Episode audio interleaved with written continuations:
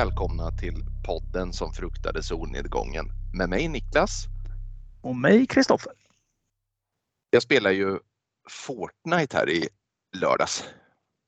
Det har ju inte jag... undgått eh, någon i din Facebook-bekantskap. Nej, jag, gör en, eh, jag har gjort en grej av att eh, lägga ut ett inlägg. Nu ska jag, säga, jag lägger inte ofta ut inlägg på Facebook, men jag gör det när jag har vunnit en sån här Victory Royale. Eh, och det har alltså skett två gånger i mitt liv, när jag spelat själv vill säga. Många gånger har jag min sambo med mig, eh, mina barn med mig, eh, dig med mig för all del. Men då, är det, då får jag ju hjälp av er. Två gånger har jag segrat när jag är ensam. Och i lördags var det en monumental seger alltså, som jag uträttade från en stridsvagn. Det var en oerhört skön känsla och jag spont gallskrek alltså. Jag gallskriker rakt ut när jag, när jag tar hem de här Victory Royalsen. Har, hur, många, hur många uppskattar du att du själv har i, i, på solo så att säga? Oj, bra fråga. Jag, jag har faktiskt inte den blekaste aning. Det är så många men, alltså? Det, det, är så otroligt många. Men, nej, men det, det jag börjar tänka på det är att allt som som läggs upp på internet, det sparas ju där. Det kommer liksom mm. alltid finnas där om mm. inte något otroligt händer. Mm. Så att eh, någonstans, eftersom du inte postar så mycket grejer, så någonstans när vi sitter där om 200-300 år, om jorden existerar och dina eh, Lindströmianska släktingar sitter och tittar tillbaka och släktforskar, då kommer de hitta den här och tro att du var någon slags stor Fortnite-spelare som levde på 2000-talet. Det är ändå väldigt roligt. Eller så förstår de hur, hur, att, det, att det förhåller sig som det faktiskt gör. Att man, eh, min förfader var visst slightly retarded, tänker de. och eh, ja, det må ju vara hänt. Men jag blir lika glad varje gång jag vinner Victory Royale för det känns som att man har besegrat många som, som blir ledsna där ute.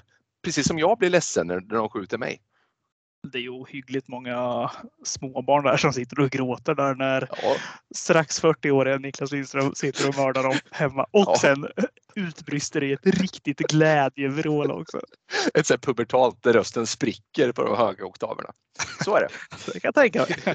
Ja, har du sett något bra, eh, om vi bortser från tv-spelens värld, har du sett någon, något bra i veckan? Ja, jag har försökt kolla på lite film jag försökt kolla på lite serier. Började se nya Batman där, den här Matt Reeves mm. filmatiseringen. Och mm. Eh, den är ju, om saker är ohyggliga, då är nya Batman ohyggligt lång. Den är mm. jättelång. Den tar mm. aldrig slut. Som, Nej. som tvåbarnsförälder till väldigt små barn, då är den här filmen ett år lång. Den är den är 365 nätter lång för att den, den tar aldrig slut. och, och det, det, det, är inget negativt här utan filmen är jättebra. Alltså det, missförstå mig rätt, alltså filmen är, jag tycker den håller Nolan-klass. Jag gillar Nolan-filmerna. Ja. Men jag tycker den är skitbra. Den är, den är långsam och den är så här eh, noiraktig och mm. mörk och han är liksom inte den här, det är inte några gadgets där på Batman utan han är en vanlig man liksom. Mer eller mindre. Ja, men precis. Jag har hört att det mer ska vara lite sådär eh, att han eh, snarare är liksom en undersökande Batman än en eh, slagsmåls-Batman. Sen kan han slåss naturligtvis, men det är inte bara fokus på fight. Nej, verkligen inte, utan det är precis som du säger, det är mycket undersökande och ja, men det, det, är bra. Det är bra karaktärer. Hela biten är bra. Den, jag ska inte spoila något utan ta och se den. den ja, jag är faktiskt väldigt sugen på den. Alla. Ja. Sen fortsatte även vi tittande på säsong 4 på Ozark. Kom eh, sista delen, de släpper, Netflix släpper sista säsongen i två delar, det vill säga några avsnitt i ett datum och sen de sista ett annat datum. Och nu släppte de de mm. sista. Så nu sitter vi och avverkar den, jag och sambon. Det är en mycket trevlig ja. serie. Det är ju jäkligt trevligt. Eh, ja, men det är trevligt att ha någonting att se tillsammans sådär. Jag och eh, Malin, eh, min Malin, vi brukar kolla på, eller vi, vi, vi, har ju liksom börjat se mycket serier tillsammans. Men det övergår alltid i att jag blir ifrånåkt för att jag är ju lite, du vet ju hur jag är, det är lite så här, jag är, jag, det har med dagsform att göra. Och det jag säger att jag ska se, det är inte alls det jag ser säkert, utan det kan vara hur som helst. Så det är inte jättelätt. Ja, jag hade inte velat vara Malin och planera in och se serier med dig. Så eh, kan man ju säga. Nej, så, men, så, men däremot så har jag faktiskt eh, sett, eh, jag har sett mig fördärvad ett par dagar nu på, ja, återigen, alltså amerikanska inspelningen av The Office. Alltså det, det, är det roligaste jag någonsin har sett och jag vet att nu är det många så här som, och jag, jag tycker brittiska är jättekul också. Jag, jag, och det, jag vet att det är originalet och jag vet att den, det brittiska lite torra passar utmärkt. Men jag är mer förtjust i amerikanska Office alltså. Karaktärerna där och, och, och allting. Det där liksom, nej, jag kan inte få nog. Jag kan inte få nog av det där gänget och jag skrattar högt. Liksom. Det är enda serien som finns där jag verkligen så skrattar högt jämt, hela tiden. Jag tycker den är helt fantastisk. Jag, jag ser inte om, jag, jag, har sett den tre varv. Nu kan jag sitta och bara så här, du vet, scrolla mellan så här, de olika säsongerna och sen så hittar jag något. Ja, men det där avsnittet kommer jag ihåg, det är schysst, så kollar jag om det så här lite. Men jag har sett en tio avsnitt eller något. Ja, det är ju inte en serie heller du behöver hänga med allt för mycket i eller? Nej. utan det är ju det är skrattet man vill åt. Men det är alla som har jobbat på något slags kontorsjobb. Det är alla, jag vågar säga att alla kommer ha någon slags igenkänningsfaktor i den här serien. Verkligen. Och alla de här ovidkommande, du vet man säger, ja men nu är det möte, så här, sitter alla i något rum så här, och sen går man ut därifrån och vet inte vad, vad, riktigt vad som är sagt. Och det är ju klart, de har ju drivit det rätt långt i The Office, men det, man känner igen sig i det där liksom. Och de här små, så här, du vet, eh, egenheterna hos alla olika karaktärer och så här. men jag liksom, och så tycker jag att den, visst, den spelar ju över gränsen för vad som är rimligt många gånger, men jag tycker ändå man köper mycket av det liksom av, av, av det som händer och det som görs. Liksom. Verkligen. Plus, plus, att den sitter på, jag skulle nog säga att det är det finaste eh, kärleksparet eller kärleksrelationen i de serier jag sett. Alltså Pam och Jim. Det är, ja. Och det, det, är ändå en komediserie men det är, ja. den är så naturlig och bra. Den, eh, ja. Den är fin. Ja, den är, den är otroligt bra och liksom, de är ju så jäkla älskvärda de två karaktärerna. Man, man, liksom, ja, man vill ju gärna bara vara deras vän känner man ju. Ja, men eh, liksom så här, man känner igen sig mycket i, eh, ja men nej den är, alla som inte har sett eh, The Office måste göra det. Man kan se både brittiska och amerikanska men jag tror faktiskt att amerikanska The Office är mer, det är något för fler människor än vad brittiska är. Jag tror det på något sätt ändå. Ja, det är ju, du sätter ju inte tänderna i någon, eh, det är ju inte Batman-längd på de här utan vad är det? Nej, pratar 20, 20 minuter avsnitt, liksom. ja, ja. ja, så det är helt perfekt och sen blir det så här, med ett till, ett till, ett till. Så har man slagit ihjäl två timmar där man hade kunnat se Nightmare on Elm Street 2 till exempel. Som vi har tittat på tills dagens datum. Vi fortsätter vår lilla den här eh, franchisen Terror på Elm Street. Hur länge sedan är det du såg eh, Terror på Elm Street 2 skulle du säga innan du såg om den inför det här avsnittet? Det är kul, det var samma fråga jag tänkte ställa till dig precis här, men eh, jag kan väl svara först då. Jag tror inte jag har sett den här sedan 90, 97 kanske, någonstans där, 90, 98 mm. kanske. Jag är inte jättegammal, någonstans 13-årsåldern eh, kanske. Jag själv skulle säga att mellan åren 1996 till 2000, ja men fyra, kanske fem år däremellan, där skulle jag säga att jag såg 80% av alla skräckfilmer som jag har sett till denna dag. Det var en så oerhört intensiva eh, skräckfilmsår där. Och där någonstans tror jag är senaste gången jag såg den också, så det är verkligen inte igår. Och vi pratade lite om det kort idag. Du sa att du kom ihåg den här som ganska dålig. Och det gjorde jag också. Men vi, får, vi får återkomma till det. Men eh, nej, det, den här kan man eh, ja, haka på helt enkelt. Absolut, eh, det, kan vi, det finns att diskutera och prata om. Det, det gör det. Har, om vi säger Jack Shoulder som gjorde filmen eller som har regisserat den. Sitter du på mm. något av honom sådär på rak arm. Nu ska jag se, alltså det finns någon sån här tv-spelsfilm som heter Alone in the Dark. Är det han som har gjort den? Men det är inte tv-spelet den handlar om. Känner du till den?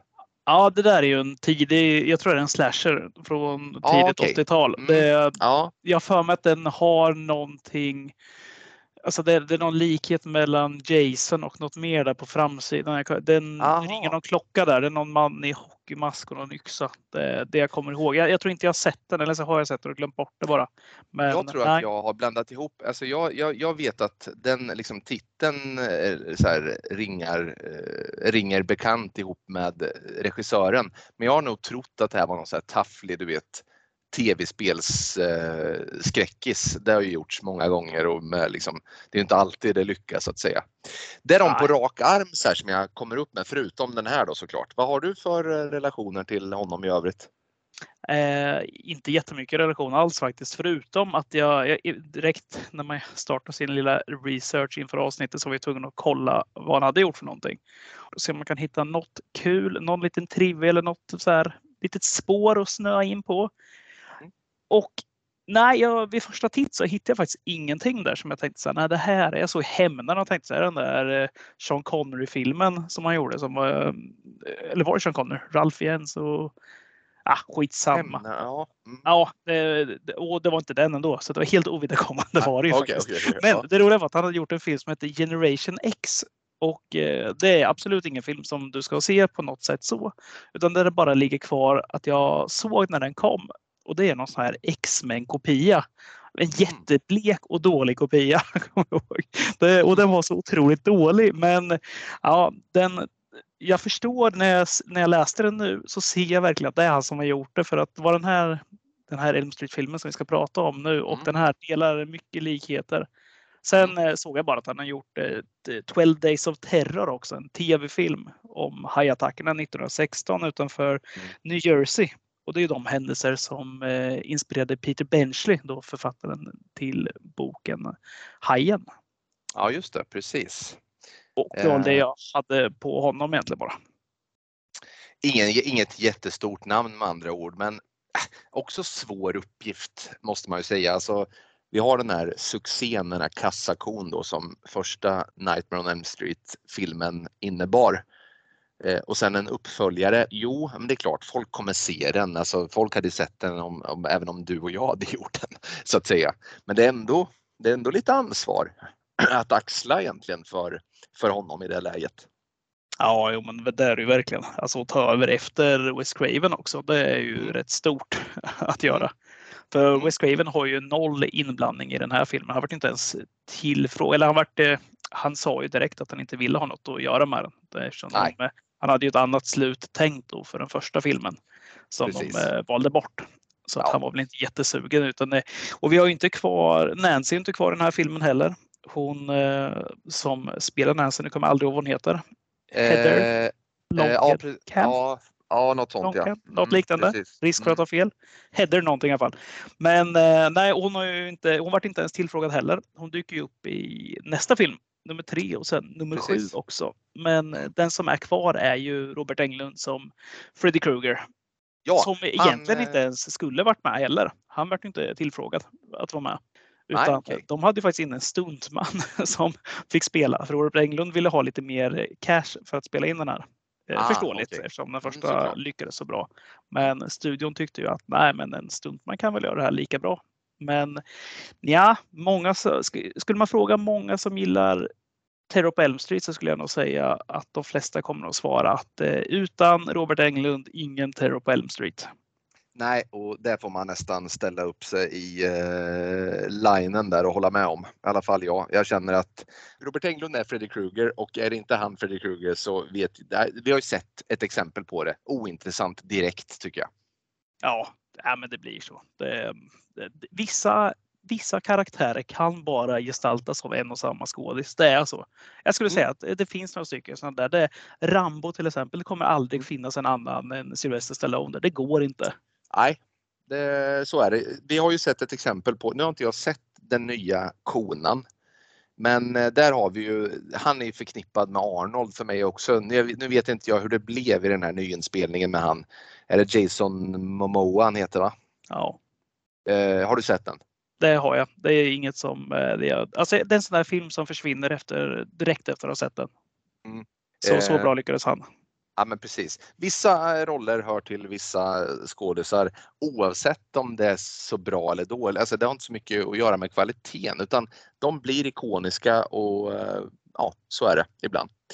Eh, du, vi startar ju en liten ny trend förra avsnittet där vi egentligen delar in eh, historien i tre tagningar och så läser vi, i det här fallet kanske jag igen, upp eh, lite vad som händer och så diskuterar vi lite löst runt handlingen. Ska vi köra på det idag också? Ja, men det tycker jag vi gör och är det någon där ute som känner att det här blir rörigt eller att det här inte är ett bra take så tycker jag absolut att man hojtar till för vi är väl, vi är väl en ganska snäll podd som lyssnar på våra ja, lyssnare. Ja, verkligen. Jag skulle säga att vi har ju inte ens till dags datum något bestämt grepp över hur vi ska liksom, vi har testat lite olika och så ser vi lite vad, liksom, vad som händer. Och eh, som sagt, det är en föränderlig podd förutom vad rör filmgenren. Eh, så det är bara att hojta i så fall om man har några önskemål. Ja men du, ta oss till LA, ta oss till Springwood.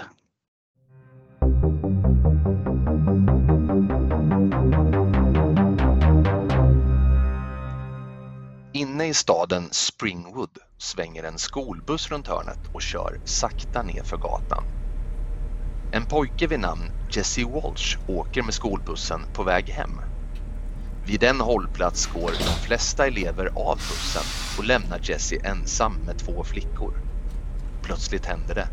Busschauffören hoppar över den ena flickans hållplats och ignorerar hennes högljudda protester. Han kör av vägen i hög fart för att sedan hamna med bussen uppe på en platå balanserandes över en avgrund. Föraren reser sig från sitt säte och vi ser att det är Freddy Krueger. Han närmar sig ungdomarna med långsamma steg och hans handske gjord av knivar skär mot bussens metallprydda tak med ett ilande läte. Jesse vaknar upp skrikandes.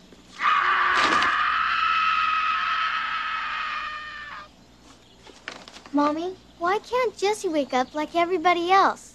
Oh, honey, he's all right. He's just having a bad dream.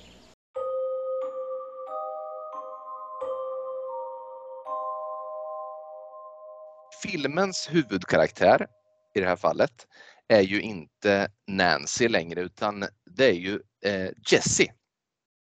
Som sagt var. Och vad, vad har du att säga om, om Jessie till att börja med? Om vi bara ska prata karaktären Jesse så, så, så kan vi, ja, men det, det, är roligt. Det är kul att det är en kille faktiskt tycker jag. För att eh, det är den enda filmen som vi har en, eh, en eh, manlig protagonist som, eh, som möter Freddy.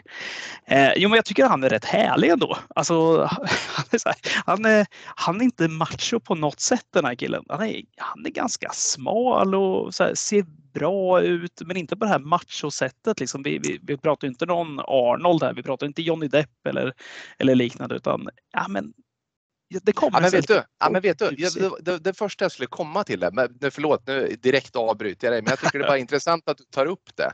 För att han är ju en person som, han skulle kunna liksom, han skulle kunna vara med i bandet The Cure liksom, typ. Han, han, han, han, ser, ju, han ser ut som, han är ju, ja men som sagt, han är liksom en så här stilig ung man, men inte på det där 80-tals muskelsättet utan han känns jävligt alternativ ju. Ja, ja. Du säger The Cure. Jag tycker ändå de känns väldigt alternativa. Jag tänker mer så här Duran Duran och så här, lite så här poplugg där och springer ja, men är han inte lite så här, han ser ut, Jo, men jag tänker snarare att han är, jag tänker spe, speciellt i början så där. Han, är ja. ju, han känns ju alternativ tycker jag. Och han känns som någon som skulle kunna ha jobba med kajal och, och grejer och vara lite du vet så här svält eh, på något sätt. Ja, men så här, det är så svårt att, att, ringa in honom. Jag tycker inte att han känns, han känns ju inte som eh, liksom eh, a girl, a, a ladies man direkt.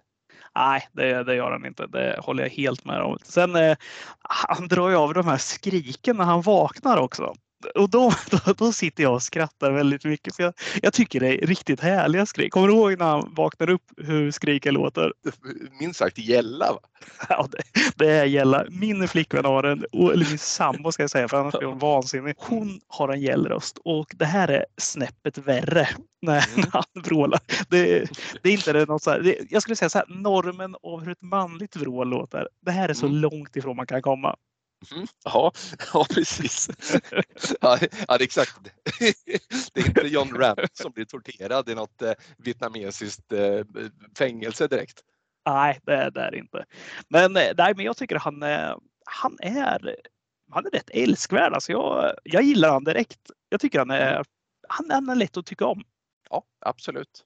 Och eh, ja, men jag tänker så här, vi kan väl bara göra det. Vi kan väl liksom bara gå igenom huvudkaraktärerna tänker jag. Även om vi har fått lite så inblick i vilka som är eh, omnämnda och så här i början så, så eh, tänker jag att vi kan väl liksom bara dansa förbi några av karaktärerna så, här, så man vet vilka vi har att göra med. Vet du vad jag kände direkt? Vi ska säga Jesse, han har ju en flickvän som heter Lisa. Ja, eller flickvän och flickvän. Han är ju lite för blyg för att det där ska vara hans flickvän. Exakt, det är ju något han jobbar på att det ska, det, det finns ju någon form av ömsesidig, eh, något ömsesidigt gillande dem emellan.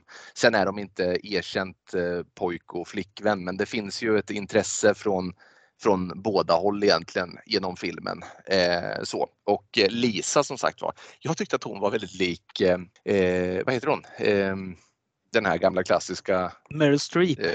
Meryl Streep ja! Alltså det är eh, så otroligt Jag, lik jag, jag, jag tänkte, jag tänkte hela tiden att det här är ju Meryl Streep i en, sin första roll. Men det är inte Meryl Streep utan hon heter Kim Myers den här tjejen. Eh, men de är sjukt lika varandra. Ja, det, det är helt otroligt. Jag tror till och med det där är en grej att hon fick den där rollen för att just var så lik. För att det, det finns liksom inget tvivel om det. Jag vet inte hur stor, eh, vad heter det, mm, Meryl Streep var vid det här tillfället. Alltså runt mitten på 80-talet. Särskilt, inte särskilt stor säkert men jag vet inte, det, det, fin, det, är, ju, det är ju någonting uppenbarligen. Ja, absolut, absolut. Nej, men hon hon ser bra ut. Hon är ju verkligen så här ja, söt flicka utan, utan att sticka ut på, på något annat sätt så.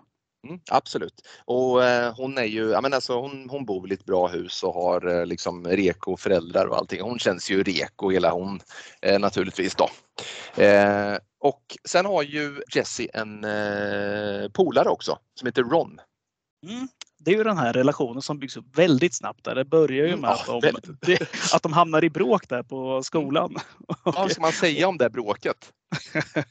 är det det grabbigaste bråket och mest onödiga bråket som du har sett? Ja, det, det, är väldigt roligt att, att Jesse ganska tidigt förlorar byxorna i fighten och att hans, eh, hans stjärt är blottad genom hela brottningsmatchen. Jag vet inte vad, vad, vad, liksom, vad man vill ha ut av det, men han får liksom aldrig upp byxorna igen, vilket är mycket kul. Jag kommer ha en lång utläggning om det här så efter vi har pratat om filmen kan jag lova. Det ska Ja, jag dra igenom. Ja, jag har mycket kul på det här. Ja, okej. Eh, nej, men, eh, nej, men Ron, han är också en sån här person. Så, eh, han skådisen, han är så jäkla lik någon som jag inte kommer på vem det är. Men han är också sån här lätt att tycka om. Han är så här, supertrevlig hela tiden. Ja. Lite, lite så här, nej, men han är lite så här retlig i början där de börjar bråka. Men efteråt blir man så här, men fan det där är, det där är en härlig kille. Han skulle man ha som vän. Ja men verkligen, jag tycker att nu på liksom de här äldre bilderna som finns på honom, då är han lite lik eh, han eh, eh, Dylan, du vet, i Beverly Hills. Eh, vad heter han? Han Luke, eh, Luke Perry. Ja, ja, Eh, ja, men, ja. men, men där och då vet i fan alltså ärligt talat. Men han känns ju mycket mer så här grabb-grabb. Eh, liksom sportig och stark och så, så vidare. Liksom han känns lite, han känns väldigt annorlunda mot hur Jesse är ändå. Ja, det, det gör han. Han har ju lite den här samma rollen som den här andra har i första filmen. Han som går och ger muskeldödare på Johnny Depp där. Alltså Ja. han, är, han är ganska grabbig och skojfrisk och, och så vidare. Försöker Mm. vara lite mer macho kanske än vad Jesse är. Vi har ju en karaktär här som vi kan nämna bara, bara lite kort. Och det är ju gymnastikläraren Schneider. Schneider ja, precis. Alltså namnet Schneider. det är- Ja, Han är benhård. ja, ja det är han. Eh, är det någon blinkning till Dee Snyder tror du som var oerhört stor i, i mitten av, av 80-talet? Eller- Lite eller- sämre hår än Dee då. Ja, betydligt sämre hår. Ja, men exakt. Han är ju, han är ju någon form av penalistisk eh, karl där naturligtvis som eh, plågar eh, sina eh, grabbar till elever i alla fall med diverse ja, joggingturer och armhävningar i, i fördärvet där. Ja, och det, det första de gör här också det är ju att den här, eh, heter han, Rob, Rob Grader, polaren där. Han säger det första han gör till mötena. Att när, när de blir bestraffade första gången. Ah, men den här Schneider han, eh, han ska passa det lite för han, han gillar att bestraffa och han hänger på gaybarer och ja, gillar S&M. Ja, ja, precis. Ja, exakt. Och det är liksom bara kastar ur sig det som det första han gör till, mot honom. Just det, ja, det är väldigt visst, noga med att han gör det här. Hänger på gaybarer och njuter av S&M. Ja, det, ja. visst. det kommer ju en förklaring också givetvis på det. Ja, och att, att det är också väldigt kul att han, ja men exakt, han hänger på gaybarer och med det kommer naturligtvis då att han gillar att plåga. För jag vet inte liksom vad, vad, vad de vill ha sagt med det. Så här. Men, ja, han är väldigt märklig den här Schneider i alla fall. Han är väldigt hård emot eh, i synnerhet Jesse och eh, eh, Ron då helt enkelt. Ja, det är någon en liten scen där. Jag kommer inte ihåg om det är här nu eller om det är nästa kapitel. Men de står en av filmens tre stycken duschscener inne i mm. pojkarnas omklädningsrum. Det är mer scener där inne än det är någon annanstans, vilket är väldigt ja. roligt. Men ja. då står han ju och pratar. Jesse står ju och pratar lite högt här om Schneider. Vilken, mm. vilken jobbig eh, och vilken idiot till eh, lärare han är. Och mm. då står givetvis Schneider precis bakom honom och ja, flinar. Och, eh, mm. ja, så får de göra... Hello guys eller något och sen är det dags igen för armhävningar. Liksom. Ja, 150 000 armhävningar ute på fotbollsplan. Vilket ser oerhört tungt ut efter en redan. Jag tycker eh. Jesse har mycket, alltså, han, jag ska säga så här på eh, armhävnings-VM så hade inte Jesse fått sina godkända tror jag inte. För att han, eh, han har liksom hela underkroppen i marken och gör snarare någon form av du vet, så här, solhälsning eller något. Ja, jag tänkte faktiskt också på det. Han har en otroligt dålig teknik på armhävningar. Ja, ja, precis. Du ser Ron, han kan ju göra några armhävningar, men Jesse, han, han imponerar icke. Nej, nej, det är sant. Nej, men jag tror att det här är de karaktärer, karaktärer som vi har att eh, bekanta oss med. Ja, sen, precis. Eh, sen dyker givetvis mannen i eh, hatten upp här och det är Freddy igen då. Mm. Och Freddy i den här filmen, han är lite annorlunda mot, förra, mot den första. Det är han verkligen. Han är ju framförallt inte så alltid eh, förknippad endast med drömmen. Ja, men som sagt, alltså filmen börjar ju med en ohygglig mardröm och eh, han dyker upp i drömmar. Men han sätter sig också som någon form av psykologiskt monster till att börja med eh, i den här filmen. Ja, det gör han. Och det kommer vi också till här eh, ju längre filmen går. Nej, men det är precis. Han, eh, mm. I det här tycker jag också han börjar ta det här lite mer sadistiska. Han, eh, alltså det är mycket katt och råttalek fortfarande mm. med han. Mm. Mm. Men här är han, och det är mer den här vad ska man säga, om Cronenberg, Cron, David Cronenberg, han jobbar ju mycket mm. med body horror. Och mm. den här filmen så jobbar Freddy Krueger väldigt mycket med det också. Det är mm. armar som är vanskap, där det kommer ut saker ur magen på mm. människor och så vidare. Mm. Det är mm. mycket sånt. Det är mer slafs i den här. Det är mycket mer slafs i den här och det är också det här som du säger lite sadistiska i det, eh, den bemärkelsen att han, han intar ju eh, folk i den här filmen och framförallt så är det ju Jesse då som har oerhörda problem med att eh, Freddy försöker manifestera sig eh, genom honom och att komma till verkligt liv då genom Jesse. Eh, så att han har en helt annan approach Freddy på det sättet i den här filmen. Ska vi hoppa vidare direkt här? Känner vi oss nöjda med starten? Ja, ja det tycker jag absolut. Ja, men då på med säkerhetsbältena igen så tar oss vidare i Springwoods mardrömmar.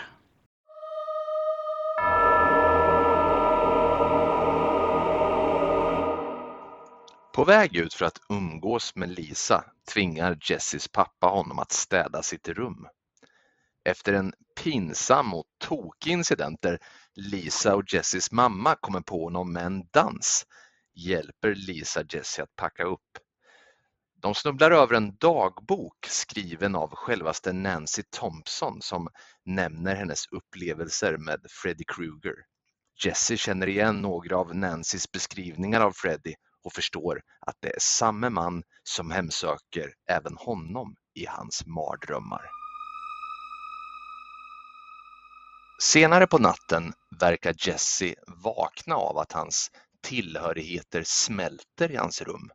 Han reser sig och går återigen ner i familjens källare.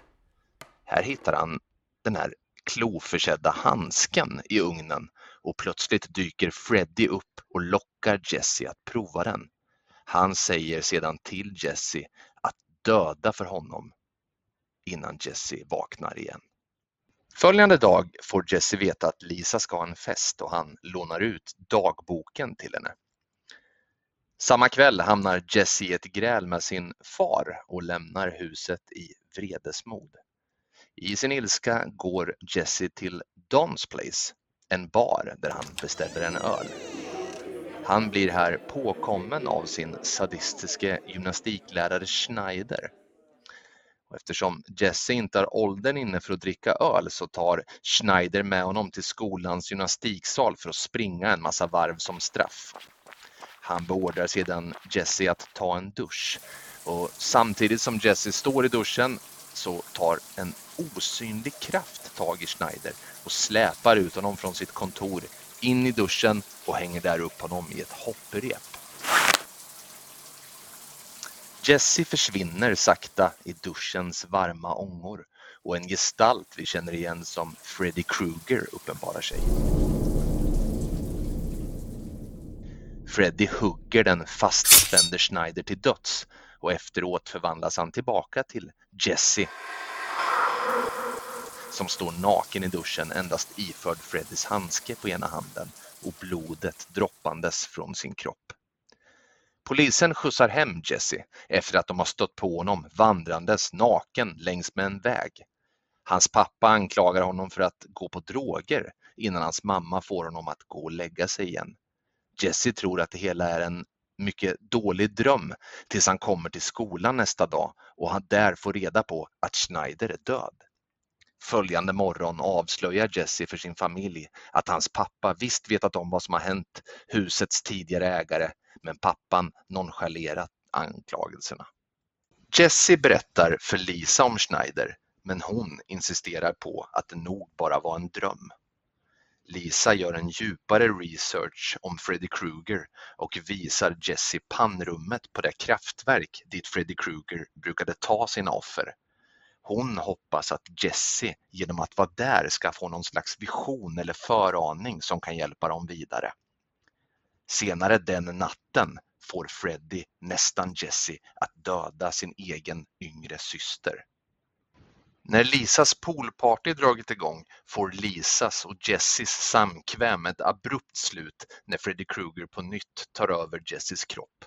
Han flyr i panik till sin vän Ron Grady som inte kunnat delta på festen till följd av ett utegångsförbud. Jesse ber Ron Grady om hjälp med att övervaka honom. När Jesse somnat tar Freddy Krueger på nytt hans kropp i besittning och spetsar Ron mot en dörr. Jesse vaknar upp och ser vad han har ställt till med och ser då Freddy Krueger retsamt vinka mot honom i spegeln. Jesse flyr i panik tillbaka till Lisas poolfest där Freddy tar kontroll över honom återigen och han attackerar Lisa och går bärsärk bland festens gäster som han bränner och klöser ihjäl. Lisas pappa försöker skjuta Freddy Krueger men hon stoppar honom i sista sekund. Freddy försvinner i ett moln av eld. Ja, men tack för läsningen Niklas. Eh, den här första scenen i del två nu då, som du precis gick igenom. När Jesse tvingas städa sitt rum. Den här, det kommer en liten dans där. Vad, vad tycker du om det här? Nej, jag, alltså, så jag blev ju oerhört full i skratt eh, åt den här scenen naturligtvis. Men på något sätt så tycker jag också att den bidrar. Den är så 80-tals härlig på något sätt. Han, han, det, han skäms inte för sig. Han, han kör sitt nummer och blir sen ertappad av sin mor och eh, ja, flickvän då helt enkelt. ja, verkligen. Det är ju det är så otroligt eh, 80-tal det här just med alltså det här montaget som är. Mm. Det, det, hade det varit en, liksom en musikalfilm, en dansfilm så hade det givetvis varit med ett sånt här, en sån här scen. Eh, mm. För att han skulle träna upp sig och bli bra på sin dans och sen uppträda och vinna en tävling eller liknande. Mm. Här fyller det ju noll funktion egentligen. Det finns, finns ingen nytta med det här förutom att det är Nej. rätt kul. Alltså jag, jag, jag menar inte som något negativt när jag säger det. Jag tycker den här scenen är rolig. Jag skrattade när jag såg den. Men det är väldigt kul också för det är ändå hans prylar. Han borde ju ha sett dem förut. Så här, men det är, han, det är som att han blir helt så här, förvånad över vad alla de här kartongerna innehåller så att han liksom dras med i någonting. Så här. Ja, det, är, det är obegripligt men härligt ändå på samma gång. Liksom. Ja, och det är väl en eh, rejäl hyllning till, eh, vad heter den? Eh, Föräldrafritt heter de med Tom Föräldrafritt med Cruise. Tom Cruise där. Ja, Ja, precis. han tar ju på sig de här pilotbrillorna. Nej, det är inte pilotbrillor, förlåt. Det är såna här, eh, vad heter det, Wayfarer-brillor som eh, han plockar på sig. Mm. De här svarta. Ja. Så, och det är exakt precis. likadant. Alltså det, är- Ja. det är så taget som att det är den eh, Vilket Ja. år är Föräldrafritt ifrån? 82, 80, Ja. jo, något sånt. Ja, ganska tidigt. Ja, tidigt. Ja, det är 80-tal tidigt i alla fall. Det är strax innan den här i alla fall. Nej, Mm. men jag, jag tycker den är, den är härlig. Alltså jag satt och skrattade det så mycket. Och, ja, det- det var kul. Och sen när de kommer in där och det blir så lite fnissigt och han står och skäms Mm. där. Ja, jag tyckte det Mm, var mm. härligt. Det, Det är ändå härligt att han skäms ju inte så in i helvete utan han garvar lite också. Han står för vad han har gjort. Det tycker jag, det är helt i sin ordning. Det ska han Ja. göra. Jesse. han är härlig! Ja, i övrigt då. Eh, vad, vad har vi för så här nyckelscener i, eh, jag har ju gått igenom lite här nu vad vi, vad vi, eh, vad som händer i filmen så här, men är det något som du tycker sticker ut förutom dansen då? Nej, men man måste väl bryta loss ändå att de eh, hittar den här dagboken, alltså Nancys från eh, den första filmen. Hennes eh, dagbok som beskriver Freddy Krueger och att Jesse känner då igen att det är, liksom, ja, men det är samma man som jag antagligen möter i mina mardrömmar. Det är ju en viktig del att få med där. Precis, de skrattar ju lite först bara åt att de har hittat en dagbok och det är förbjudna att läsa i den och så skrattar lite åt vad Nancy har skrivit och så vidare. Men sen så sätter han ju skratten i halsen sen när han inser att han upplever precis vad hon har upplevt. Eh, och ja, just eh, känslan av att dela eh, bostad med där hon upplevde allting eh, skrämmer honom minst sagt. Eh, och Lisa, hur skulle du säga att Lisa, tycker du hon tar honom på allvar i, i hela den här miserabla situationen eller vad, vad, vad tycker du om henne i det sammanhanget? Antingen så tar hon honom på alldeles för stort allvar. Mm. För att hon, hon grottar ner sig rätt rejält i den här dagboken. Och Mm. eh, vem Freddy Krueger var och så vidare. Alternativt så bryr sig inte alls faktiskt. Jag har svårt att sätta fingret på det. Vad- Ja men verkligen. Nej men jag tycker också, jag fick känslan av att hon så jävlar vad hon litar på den här snubben som hon inte ens är ihop med.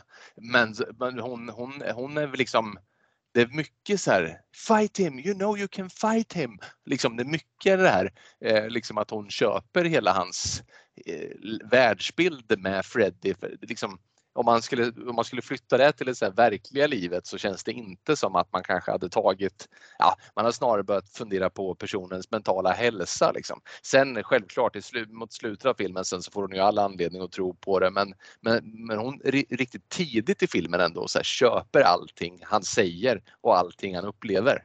Mm, alltså det är ju en tjej som är upp över öronen förälskad i sin pojke här. Och eh, Ja, jag skulle säga att det är hon som för den här relationen framåt. Det är hon som Mm. jagar Jesse i den här. Mm, ja, absolut. Och han, eh, han, vill, han, är, han är lite så blyg och lite så här tafatt. Sen har han nu uppenbarliga bekymmer såklart. Då. Um, Jag tycker, det, det, ja, jag, jag stoppar bara den här. Jag tycker den här den här kvällen hemma hos eh, familjen Walsh där när den här, de här under, det börjar bli så varmt. Pappan Mm. går och kollar termostaten lite. Mm. Och, ja, det är så himla varmt. Jag hade inga undertexter men det var tydligen 97, 96 grader där inne i, i, i den engelska översättningen jag hade. Så det, eller 96 svenska. grader. Ja, 96, förlåt. 96 grader varmt. 96 Eh. grader varmt. Celsius, an, Celsius alltså. Ja, ja, så var det i min Ja. eh, med undertexterna. Ja, Eh, ska kokar vid undre. Ja, men eh, de här undulaten då, som, det är så brutalt. Den, När de öppnar den här lilla, ja, vad- säger man, lilla buren, den är Ja. övertäckt med någonting. Ja, ser man den här undulaten som attackerar den andra och har ihjäl den och sen Ja. flyger ut och är alltså, så lika galen som Hitchcocks Fåglarna där. Ja, absolut. Och sen bara exploderar. Det är så Japp, jäkla Den oväntat. kokar sönder. Liksom. Ja, då, då skrattade jag också väldigt mycket där när pappan anklagar Jesse för att ha alltså, satt en smällare på dem. Det är så, det är så otroligt hemskt bara. Just jag så ser framför mig att han skulle ha gjort det här. Så, Ja, det är så elakt. Ja, väldigt elakt. Jesse känns inte som en sån profil heller riktigt. Nej, och han eh, lämnar ju liksom i ett sånt moln av ilska när han går ut därifrån. Alltså, så han Ja, det gör han. sätter armarna i kors liksom och så här stampar ut. Eh, Ja, visst. Ja, det, det är härligt. Eh, Och då kommer vi till det där roliga också, just när han går ut där i sin ilska. Så ah, han strosar väl liksom omkring bara. Just han vill ju inte sova och han vill inte vara hos sin farsa där och gå vidare och ska gå och ta den här ölen på en bar. Han är ju, hur gammal är de i de här filmerna? Är de eh, 17, 16, 17? Jag tycker alltid det är så jäkla svårt att säga. Men, men som sagt var, man får ju känslan av att de är 16, 17 någonstans där. Ja, 17. Någonstans där. Ja, Ja. De flesta bor ju ändå hemma, tänker Ja. jag. Eh, och han går till det här. Alltså, det första han går till, det är en bar. Don's Place. Och det Mm. här är alltså en eh, transvestite bar står det utanpå också. Det, Ja, dit går han. det är så härligt att han går in där. Alltså det, Ja. det får, han, är inte, han har inte åldern inne. Och det första han går Nej. till är en transvestitbar. Som han liksom, Och det, det är inte som att, den- han, alltså att han tvingas dit eller att han liksom försöker komma in på något visst sätt. Det är som det mest naturliga han kan göra. Går in Mm. där och tar en öl. Ja, visst. Ja, och det är ju det här, den här baren ligger ju ohyggligt nära hans eh, vanliga villaområde också. Alltså, uppenbarligen då. Det, går ju väldigt snabbt för honom att komma dit. Ja, ja ver- verkligen. Eh, och vem träffar han här då? Ja, det är ju den här läraren Schneider. Så kommer det någon slags läderharnesk där och, och stö- stöter på honom. Eller alltså, Ja. han stöter ju inte på honom. Han springer in i honom. Men, eh, alltså, man antar väl att du har inte åldern inne för att vara här. Så därför ska jag straffa dig.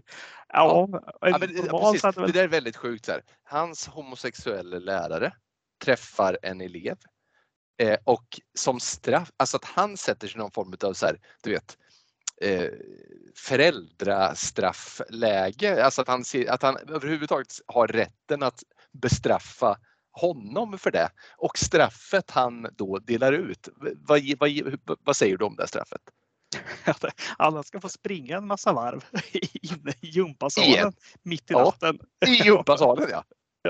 Men det, det är så dumt hela grejen. Liksom att Ja. Läraren är alltså att han är gay eh, Mm. och går till en transvestitbar. Liksom det är Mm. bara roligt hela den biten. Sen att den här eleven hamnar på transvestitbaren, köper öl som man inte får göra och då blir bestraffad av läraren i gympasalen mitt i natten istället för att han bara flyr hem till sina föräldrar och bara ursäkta den här mannen försöker, alltså han är, han är jätteäcklig och försöker utdela något slags straff i gympasalen mitt i natten. Det är bara konstigt. Men, Ja, men visst. det, det är en rolig del.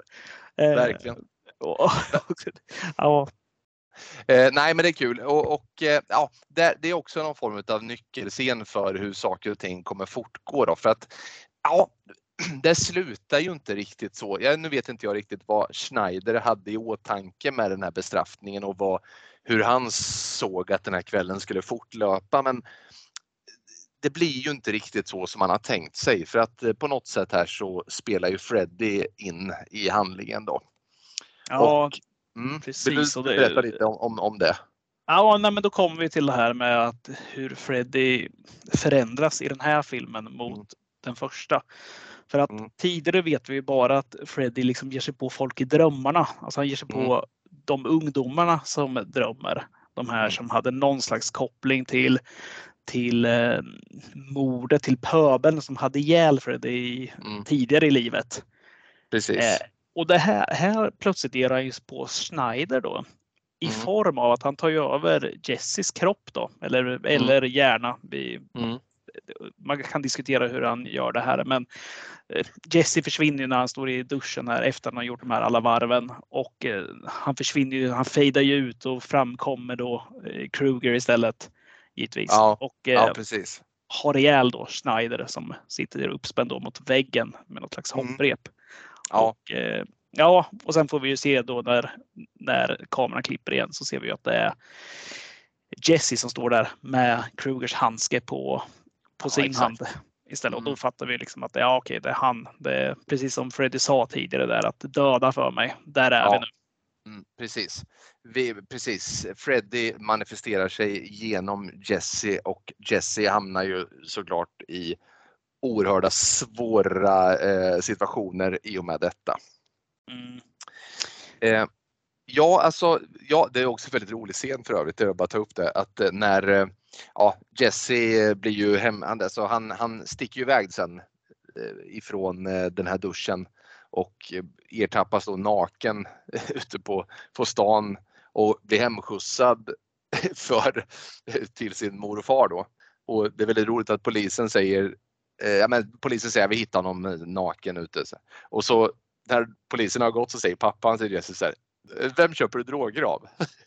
det tycker jag är väldigt roligt. Att det, det liksom är det. Liksom, jag vill ha ett namn. Ge mig ett namn. Det är en rolig scen faktiskt. Men, det är inga dåliga droger heller om man är Nej. naken och springer utomhus mitt i natten en vardag. Ja, verkligen. verkligen. Ja. Och liksom att just pappan fokuserar liksom inte på sonens hälsa. hur- Utan det, han, vill ha, han, han behöver ha ett namn. Han känns, eh, vad ska jag säga, han känns som en doer den här pappan på något sätt. Ja, men verkligen. Direkt efter det här där när, när han går tillbaka till skolan här och han, eh, Lisa kommer och hjälper han lite där och tar han till den här fabriken, alltså det här kraftverket där Kruger Mm. jobbade. Mm. Där, där är ju, alltså hon har ju forskat rejält där. Ja, det har gjort. Ja, men jag hoppas att du ska få någon liten vision här om, eh, om, om, om att vara där. Och, Ja, visst. alltså, hon har så mycket idéer. Ja, men hon har tagit det här på allvar och hon har gjort sin research. Och ja, nej, som sagt, hon, eh, hon står upp för sin eh, Jessie, helt klart. De får ju veta att eh, Schneider är död också. Mm. Så att hon, Mm. hon fattar ju att eh, Jesse är, är den som har varit där. Och Mm. liksom att han har gjort det här. Eh, du, du, du. Och sen eh, kommer det här festen då. Precis, Lisas, Lisas poolparty. Mm. Ja, och det är ju en stor tillställning. Ja, det, det är ett jäkla gäng som är där. Du. Och jag gillar, jag gillar att, eh, att eh, Lisas pappa eh, står och är någon form av barbecue-snubbe. Han delar med glädje ut korv och, och stekar och hamburgare och grejer till gästerna där. Ja, det gör han. Ja, Jag, jag gillar ännu mer just att när han är klar med det här och går in och lägger sig Ja. så uh, pussar han sin fru där och de eh, vet liksom att men festen fortsätter nere och det är lugnt och allting. Ja. Och, då, ja, så, ja, och det är liksom så inställt, alla vet om det, att så fort han släcker sin lampa där, då kan Ja, de dra ja. på världens volym och Ja. alkoholen ska fram. Förutom att precis. det här fönstret ligger ju kanske 10-15 meter bort också. Ja, det- precis. Det är vi pratar inte om att sömnen, att han ska somna för gott där uppe. Hoppas de. Och att eh, han inte går att väcka längre för att han har avlidit. Liksom. Men eh, nej, så är det ju inte. Nej, och där drar de ju på en rejäl fest där efteråt. Mm. Där. Och det, är, det är ju alkohol och det är pool och det är bubblar och ja, Mm. allt som eh, sig bör på en fest. Ja, precis. Och här är väl då som eh, Lisa och Jessie då ska, eh, vad ska vi säga, approchera varandra som eh, ett par mer eller mindre. Och han, eh, han, han brottas ju med det här eh, andra alter egot han har fått och som han inte riktigt kan styra över. Eh, och eh, vad är det egentligen som händer mer exakt som får honom att avbryta sitt kuttra 7 med Lisa i det här fallet? ja, men de, eh, han, är väl, han har väl tagit sig till eh, bas 2 i alla fall här, skulle jag säga. vi, vi pratar i sådana termer för våra yngre lyssnare. Ja, Och, väldigt eh, nej, men eh, då... Fan håller vi på så här, du vet, atrofera och bas två så här. Ja, väldigt, det här är, väldigt, är det det här sista avsnittet vi spelar på innan vi åker på så här katolsk reträtt nere i Rom och blir munkar resten av livet? ja, det är väldigt roligt. Hur grov som helst annars. Men sen så fort eh, det kommer till det här då blir det så jobbigt att säga. Vi, vi läser väl upp det istället som eh, jag skrev det då, som du redan läste upp här också. Efter Ja. lite kyssar och smek och innan Ja. byxorna ska åka av. Då händer det här och eh, då ser vi då att Freddy eh, manifesterar sig i Jessies kropp då, i form av en Ja. jättelång obehaglig tunga. ja. Och den där Här tungan är ingen- eh, nej, den där, det, det, där är ingen, ja, det är ingen Gene Simmons tunga ens. Eh, utan eh, det här är något annat alltså. Ja, och där, där får ju han paniken. Han, han flyr ju direkt. Det, det Mm. går inte att vara kvar där, inte med den där tungan. Nej, precis. Så han måste överge Lisa. Han ger inga närmare eh, så att säga, förklaringsmodeller till det, utan han drar till Ja. Ron. Ja, han sticker dit av alla ställen. Ja, det gör han. Och Ja. han, han ger ju Ron förhållningsregeln att du får faktiskt hålla koll på mig här nu. Vid minsta eh, liksom sätt från mig som avviker ifrån mitt normala beteende, då, då får du bara se till att jag inte tar mig ur härifrån. Ja, exakt. Mm. Och det går ju Ron med på. Det, eller Rod, det är inga konstigheter. Nej, precis. Inga problem. Det, det, Eh, det är en scen som kommer där. Mm. Nu när eh, Jesse sover där på soffan Mm. i sin helt uppknäppta skjorta Ja. och blottar sin hårlösa bringa. Ja. Ja. Den här scenen tycker jag är riktigt snygg faktiskt. Alltså jag tycker det är så jäkla snyggt smink. Alltså effekterna där är så Ja. otroligt bra. Jo, När- visst, visst, visst, eh, förlåt, får jag bara stoppa det där. Visst älskar man den här typen av effekter? Ja, ja. Det får en absolut. att minnas alla såna gamla klassiska. Det är också en, äh, äh, vi återkommer, fortsätt, förlåt. Nej, men just när han tittar ner och man ser hans arm, liksom att eh, huden spricker upp eh, under, på underarmen och Freddy Kruegers den här randiga tröjan åker fram. Det börjar växa ut eh, knivar ur fingertopparna på honom. Och sen Mm. eh, givetvis det här, den här bultande magen där med ett ansikte som vill ut. Ja, men exakt. Ja, det, det, det är ju obehagligt. Alltså, det är så snyggt. Ja, det, nej, man, jag älskar, alltså i, med dagens, dagens dataanimerade så här, det där är, det är som en varm smekning på kinden den här typen av effekter faktiskt. Samtidigt som vi har affischen med Limal, den här Neverending Story-killen på väggen. Ja, exakt, precis. Referensen i bakgrunden där ja. Ja, Ja, ja, den, är, den, den, är snygg den där scenen och sen när Kruger kommer loss här då och eh, ja, eh, föräldrarna står och bankar på dörren och undrar vad som händer och Ja. Spetsar eh, graderen mot väggarna. Men den Ja. är, den är härlig. Det gör han. Ja, och återigen då så står eh, Jesse kvar när ja, Freddy han vinkar lite så här, du vet, retsamt åt honom genom spegeln där.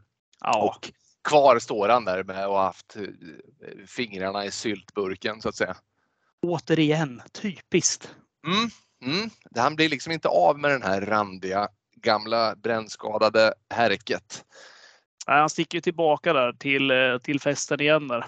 För att Lisa är väl den enda som egentligen förstår honom eller vet vad som Ja. händer. Ja, precis. Och där går det ju inte riktigt som det ska där heller.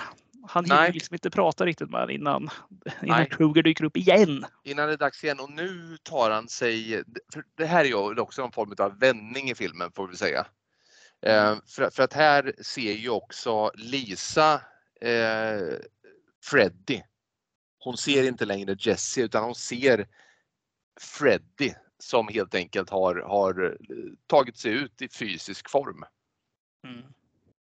Och, eh, och ja, hon är inte ensam om det för att Freddy han, eh, det här är ju det här är också en väldigt komisk scen. Alltså vi har det här stora poolpartyt och sen har vi den här, ja men det blir lite du vet den här eh, nästan så här tjuv och poliskänslan. Så här, någon, är, någon är polis och springer runt och irrar och så här, ska gripa alla fast lite tvärtom då. Eh, han ska döda alla. Och eh, ja, men det, liksom alla skriker och springer från ena hållet till det andra. Så här, och, och, och, vad- vad tycker du om den här scenen? Ah, det- här skulle jag säga är en av filmens sämre scener faktiskt. Just därför att det, det är så obegripligt mycket av det. Den är, alltså, Freddy Krueger är ju som vanligt, han blir en liten lustigkurre nästan här. Han, Ja, det blir eh, ja, han klör sig lite och han hoppar och slår sig. Vet, inte, Benny Hill-themet hade ju passat i den här scenen. ja men verkligen. Det, det enda som är härligt här tycker jag att eh, han kokar ihjäl folk i poolen. Det tycker jag det, det är så brutalt. Nej, Det, är det också, det, det, är också, det skulle komma till det bara. Det är väldigt roligt också. Det ligger folk och badar i poolen och Freddy lyckas göra så att poolen uppenbarligen blir så jäkla varm så den kokar eftersom det börjar bubbla. Liksom. Den börjar koka poolen. Och de som är i poolen säger det börjar bli varmt. Jag skulle säga att det blir 96 grader här också. Ja, För det verkar vara 96 ett återkommande tema på Ja, värme. Jag tror att han vill få- få upp värmen ytterligare men det går inte. Han har bara makt till 96 grader så att det, nej, det blir lite över eftersom det kokar trots allt. Då.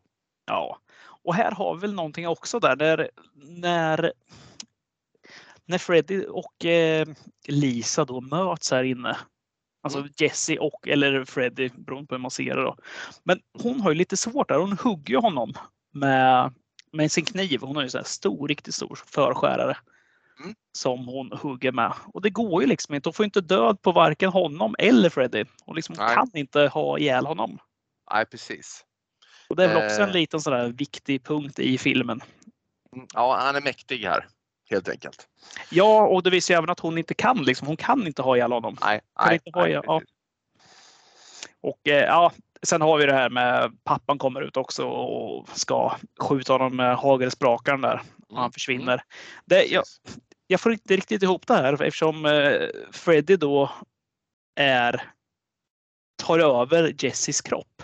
Ja, Och det är ju Jesse som är Freddy. ja. Hur ser de här på festen det här? Det är ju ganska många vittnen som blir kvar. Ser de Freddy Mm. eller ser de Jesse? Ja, Vet du vad? Jag hade tänkt ta upp det där för, för att jag Mm. blir inte riktigt klok på det. För att jag tycker att det är uppenbart ändå att eh, jag tycker det, det känns uppenbart att Lisa ser Freddy Krueger, alltså Freddy Krueger med randig tröja och hatt och, och klor. Mm. Eh, men jag vet inte vad, vad de andra ser. Jag tror väl att de kanske trots allt ser Jesse. ja, ja, jag vet inte fan. Jag tänker nog tvärtom. Jag tänker nog att de ser Freddy Krueger. Men eh, Ja, det finns... ja, Eh, det, man kan väl säga så här. Den här filmen, om det är avsiktligt eller ej, Mm. den har ganska många frågor som inte riktigt besvaras. Nej, ja, men så är det. Absolut. Sen vet man ju inte, som sagt var, det är inte så att de med sig något, lägger ut någon slags eh, intelligent dimridå åt tittarna utan jag tror snarare att de sakerna som inte besvaras beror på att, då, eh, att ah, skit i det. Lite den känslan när man spelar in filmen. Ja, ja, det här, vi pratar ju inte om att eh, de inte besvaras av ett genialiskt drag här, utan det är ju Nej. ren dumhet och lathet i den här filmen. Mm, mm. Det, vilket har sin charm. Såklart, absolut. Och, och speciellt så här när filmen heter Terror på Elm Street 2. Så här, det, är klart, det är klart att de får hoppa över. Det, det behövs inte. Nej, men, nej, men som sagt, det blir eh, panik här och eh, eh, festen får någon form av abrupt slut i alla fall. Mm. Och det är en väldigt, väldigt, väldigt märklig scen som sagt var när han springer runt till Eh, Benny Hill-teamet där. Ja, eh, och sen, eh, ska vi säga så att vi börjar närma oss någon form av upplösning här ändå. Hur ska Jesse bli av med Freddy och hur ska världen bli av med Freddy som uppenbart kan döda även utanför drömmar numera då? Ja men du, inför det sista, för jag sitter ju som på nålar. Hur slutar det? Vad, vad händer med Jesse? Vad händer med Freddy och framförallt lyckas Lisa med sitt mission att få tillbaka Jesse? Berätta för mig.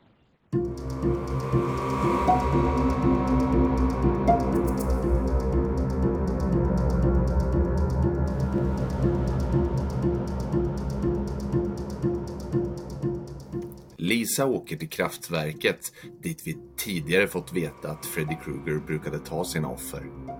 Utanför och på väg in konfronteras hon av en av sina värsta mardrömmar i form av vanskapta hundar och mordiska råttor. Hon möter sedan Freddy som försöker ha ihjäl henne och hon förstår att någonstans där inne finns Jesse kvar. Hon säger åt Jesse att slåss mot Freddy och sakta men säkert börjar han göra det. Freddy börjar tappa kontrollen. Ett sår uppenbarar sig och han börjar blöda. Lisa förstår att endast genom att förneka Freddy kan hon rädda Jesse. Hon tar tag i Freddy och kysser honom. Och som av magi kan Jesse använda sin kraft inifrån och starta en eld som flammar upp och lämnar Freddy i en knaperstekt hög. Det visar sig att han transformerats tillbaka till Jesse som nu, brännskadad, vaknar upp och kramar om Lisa.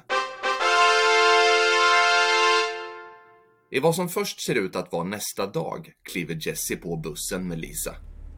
Jesse tycker att bussen går för fort, men den stannar för att plocka upp en passagerare och allt verkar vara som vanligt. Plötsligt kommer en hand ut genom magen på en av passagerarna och vi hör Freddy Krugers elaka skratt och bussen drar iväg.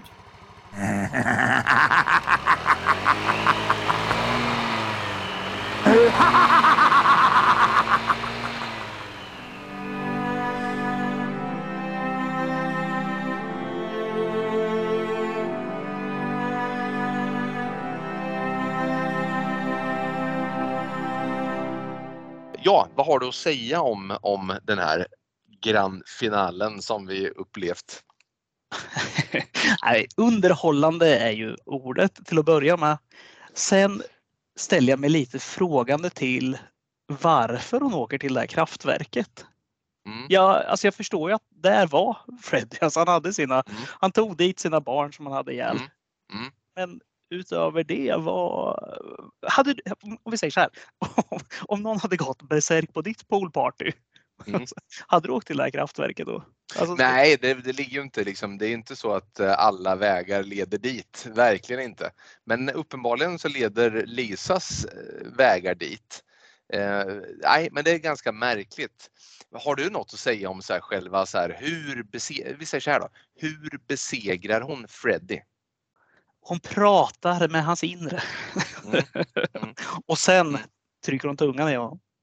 Det är någon form av kärleks... Eh, alltså första filmen i den här klassen, alltså det var ju det, det, pratade vi om sist det här med att ah, Freddy han har bara makt om man är rädd för honom. Mm. Eh, och här lite är det ju så, Freddy gillar inte att man visar någon form av så här kärlek och förståelse. Ja, det gillar han inte.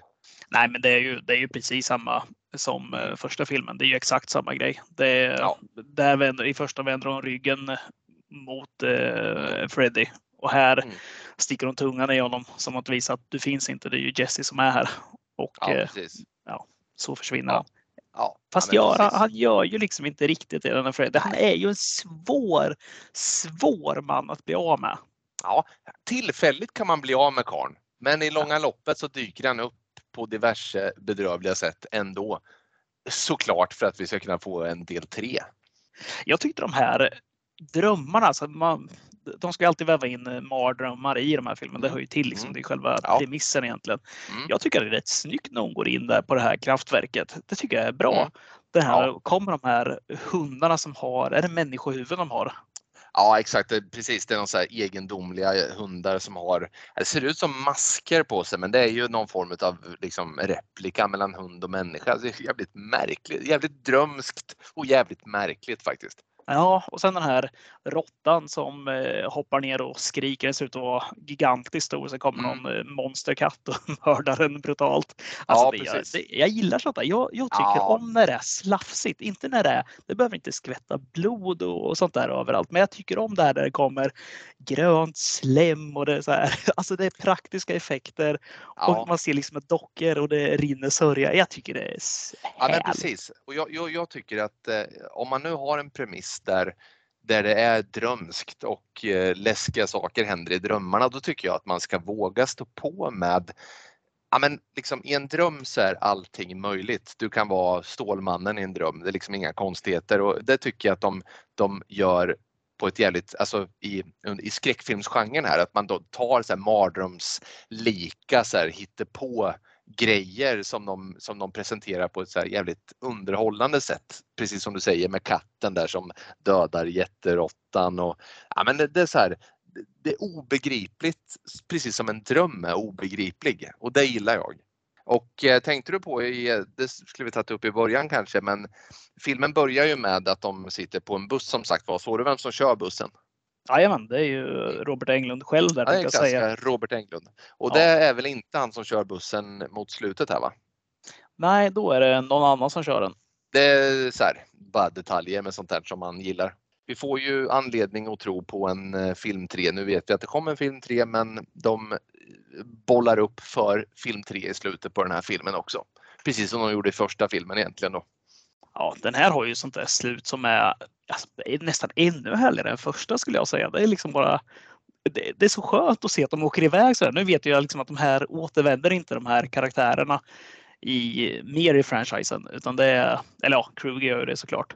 Men eh, Jesse är ju inte med någonting mer. Men jag, jag tycker det är ändå ett härligt slut där att eh, de brakar ut i det här Alltså Ja. ökenlandskapet med bussen. gillar det och, Ja, jag den gillar det där. ökenlandskapet faktiskt. Ja, ja, men jag tycker det, Mm. det, är snyggt. Alltså just det här att man ser att det är så inklippt bild. Liksom det, där. Alltså Ja. det är miniatyrer och det är inklippt eh, och det är neon och det är allt. Ja, det är Precis. 80-tal i ett Mm. nötskal. Det är, Ja. Bussy även balanserar på någon så här, eh, ja men, du, ja, men, du, ja men precis, det är ju liksom, ja, men det, det är ändå härligt på något sätt. Ska vi ta någon så här, har du någon scen som du gillar extremt mycket eller? Ja. ut? Ja, men jag känner mig, jag, jag, jag, var därför jag inte ville stanna vid den för du tog upp den först.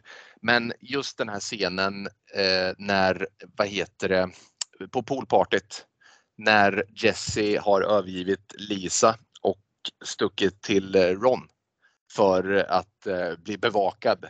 Eh, när Freddy tar sig ur Jesse och just de här praktiska effekterna som är där.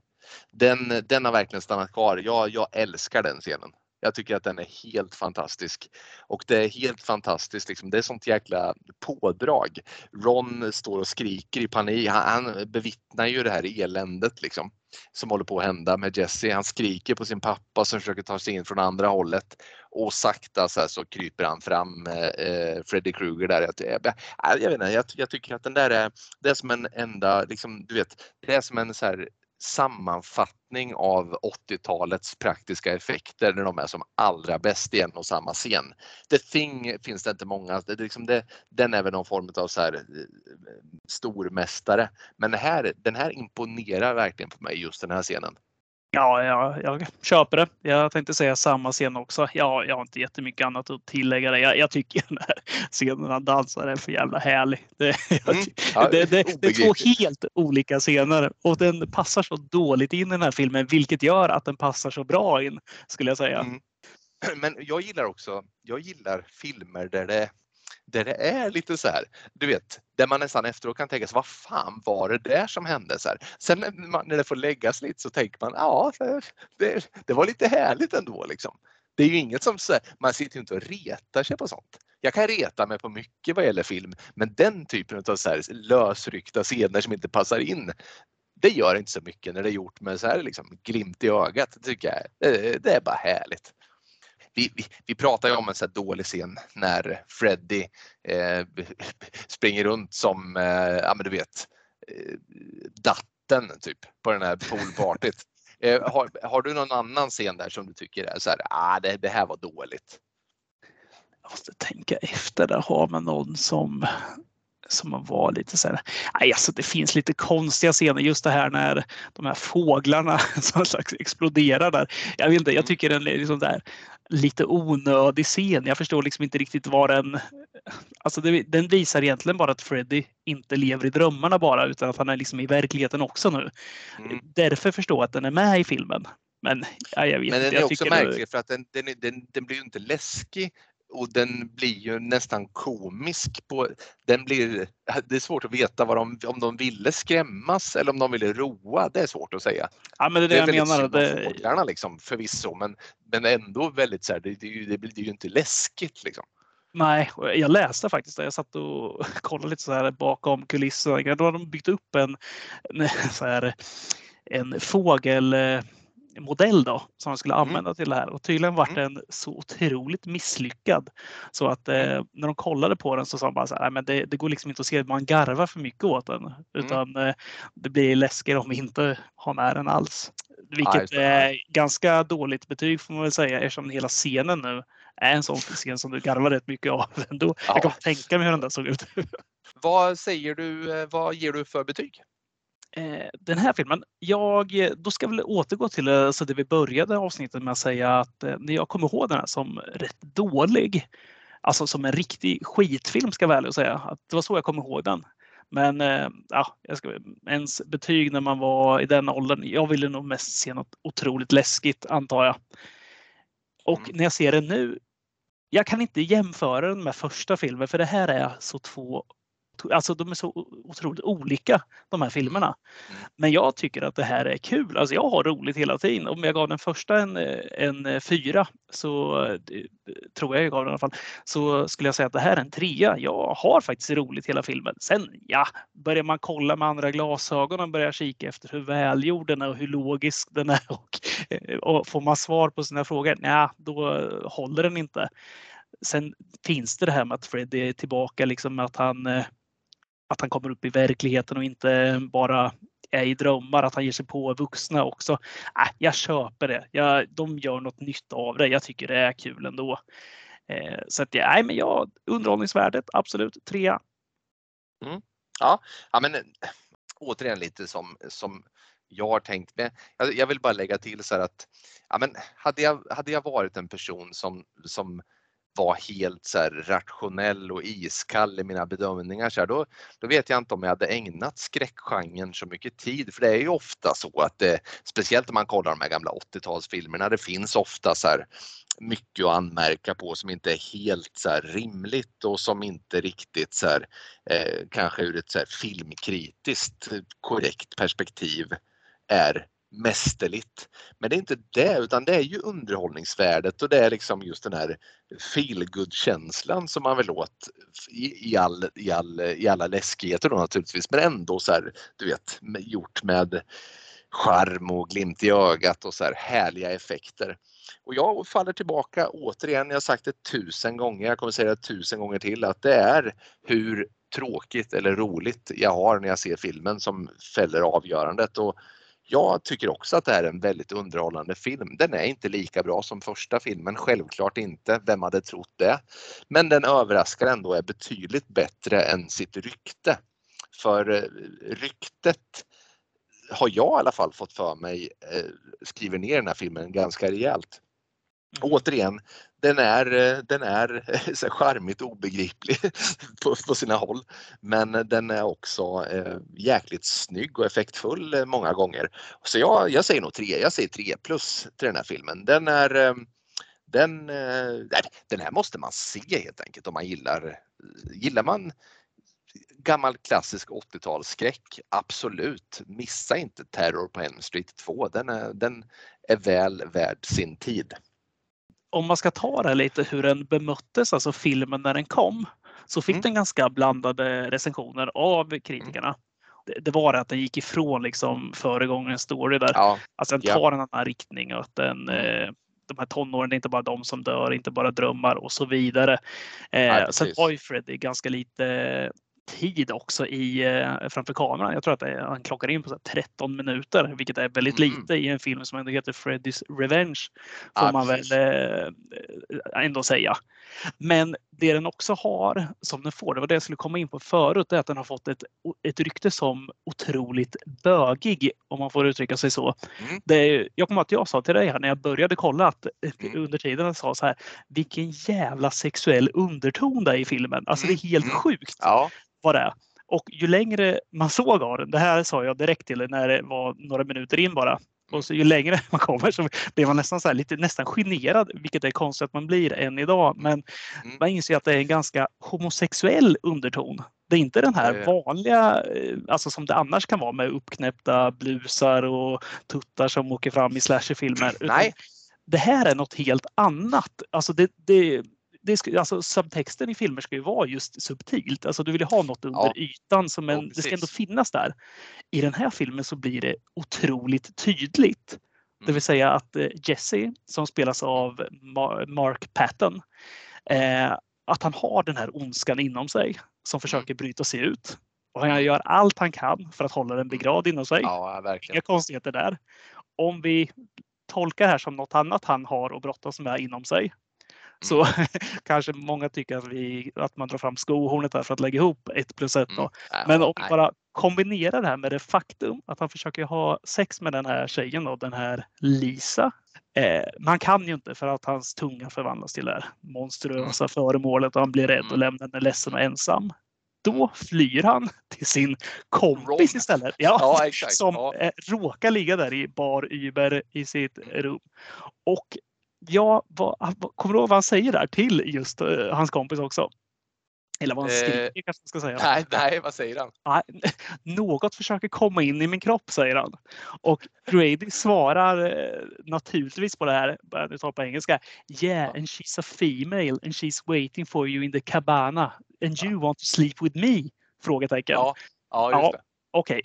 Eh, Och även om, alltså, även om den här, om, Jessys kamp med sin sexualitet verkligen är filmens subtext då, så kanske vi Mm. har, det finns ganska mycket små saker som jag tycker blir jätteuppenbara när man Mm. börjar grotta ner sig. Vi har den här dansscenen, vilket är en kul scen.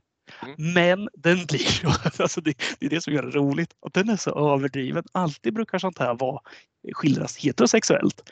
Men här står han och trycker sin rumpa ganska hårt mot en låda. Jag vet inte om du kommer ihåg det här. Den Ja, ja. in på det och han dunkar den här, sin lilla pojkröv mot den här byrån. Alltså om och om igen och juckar där och ler. Och sen, sen tar han fram någon liten, jag vet inte vad det är för någonting han har som man sätter liksom mellan benen som, som en liten joystick som man visar liksom. Det, ja, alla fattar Ja, att det är ja, hur ja. ska hålla i det här. Men, och står och dansar och sjunger och det, det blir ju väldigt roligt. Alltså sen kommer replikerna som han säger ibland. He's inside me and he wants to take me again. Okej. Ja, ja, Ja, det är klart. Det är svårt att snacka bort allt det här naturligtvis. Så är det. Ja.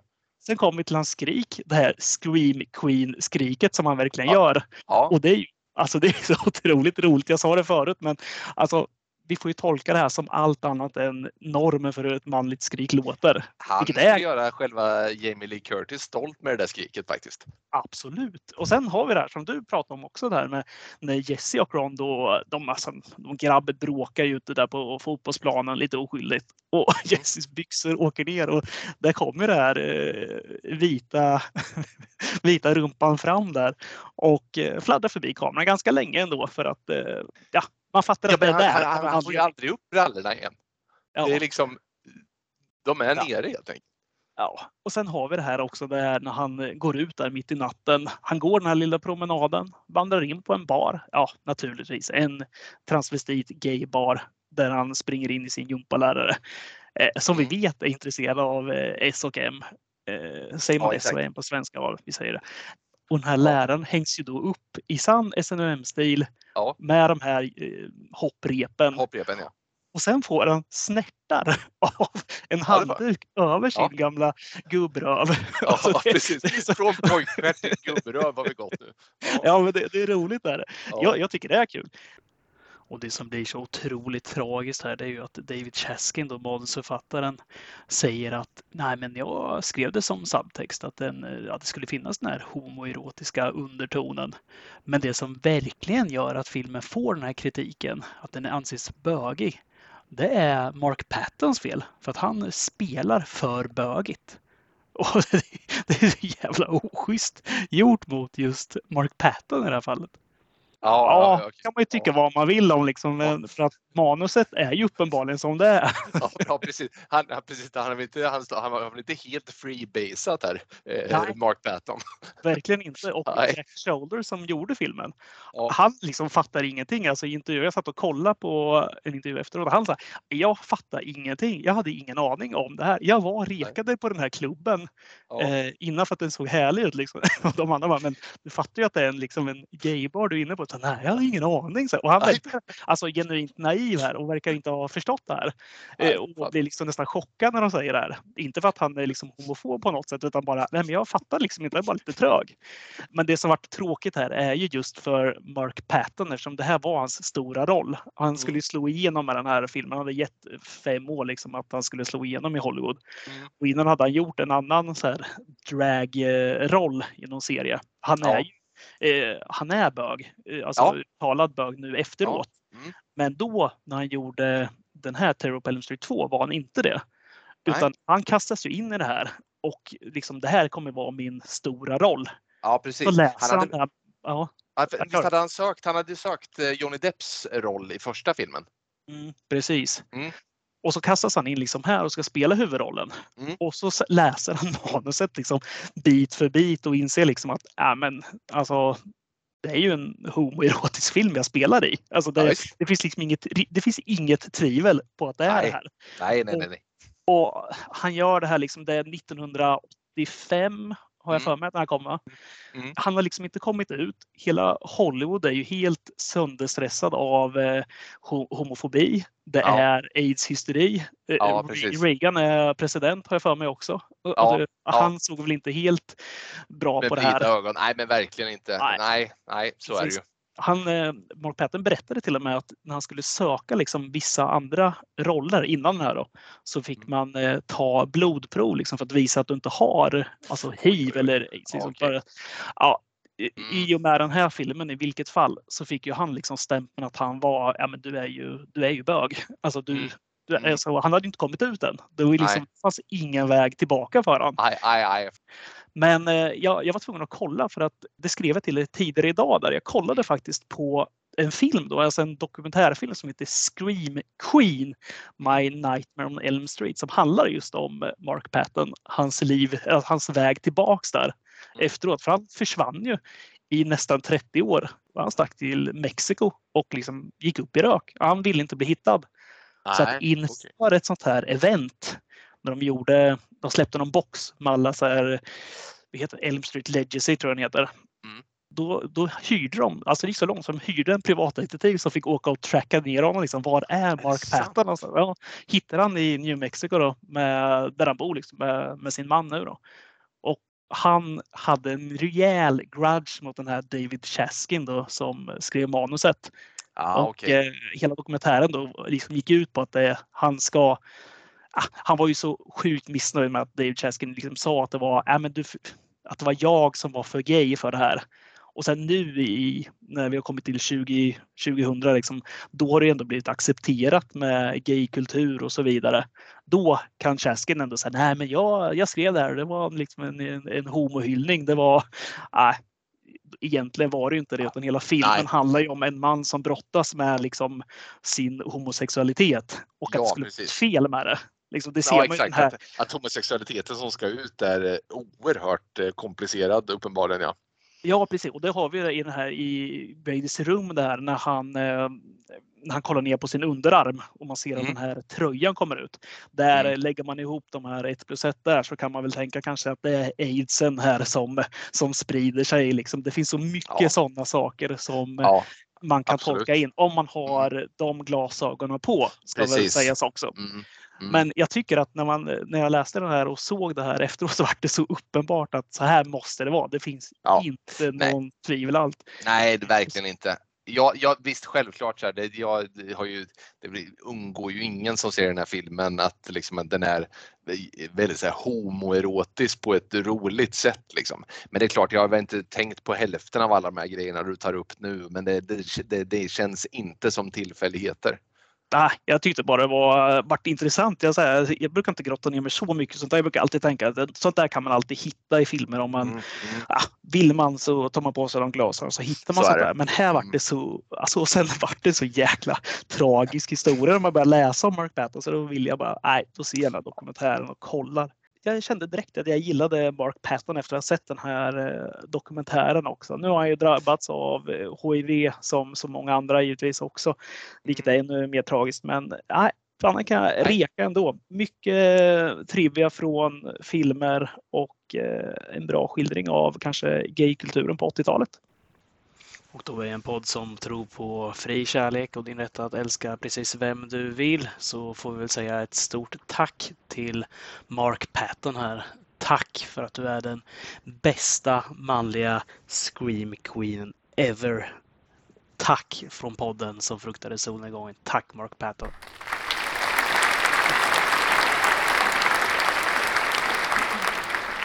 Jäkligt intressant take på det hela. Men faktum kvarstår att oavsett glasögon eh, så är en film värd att se. Helt klart.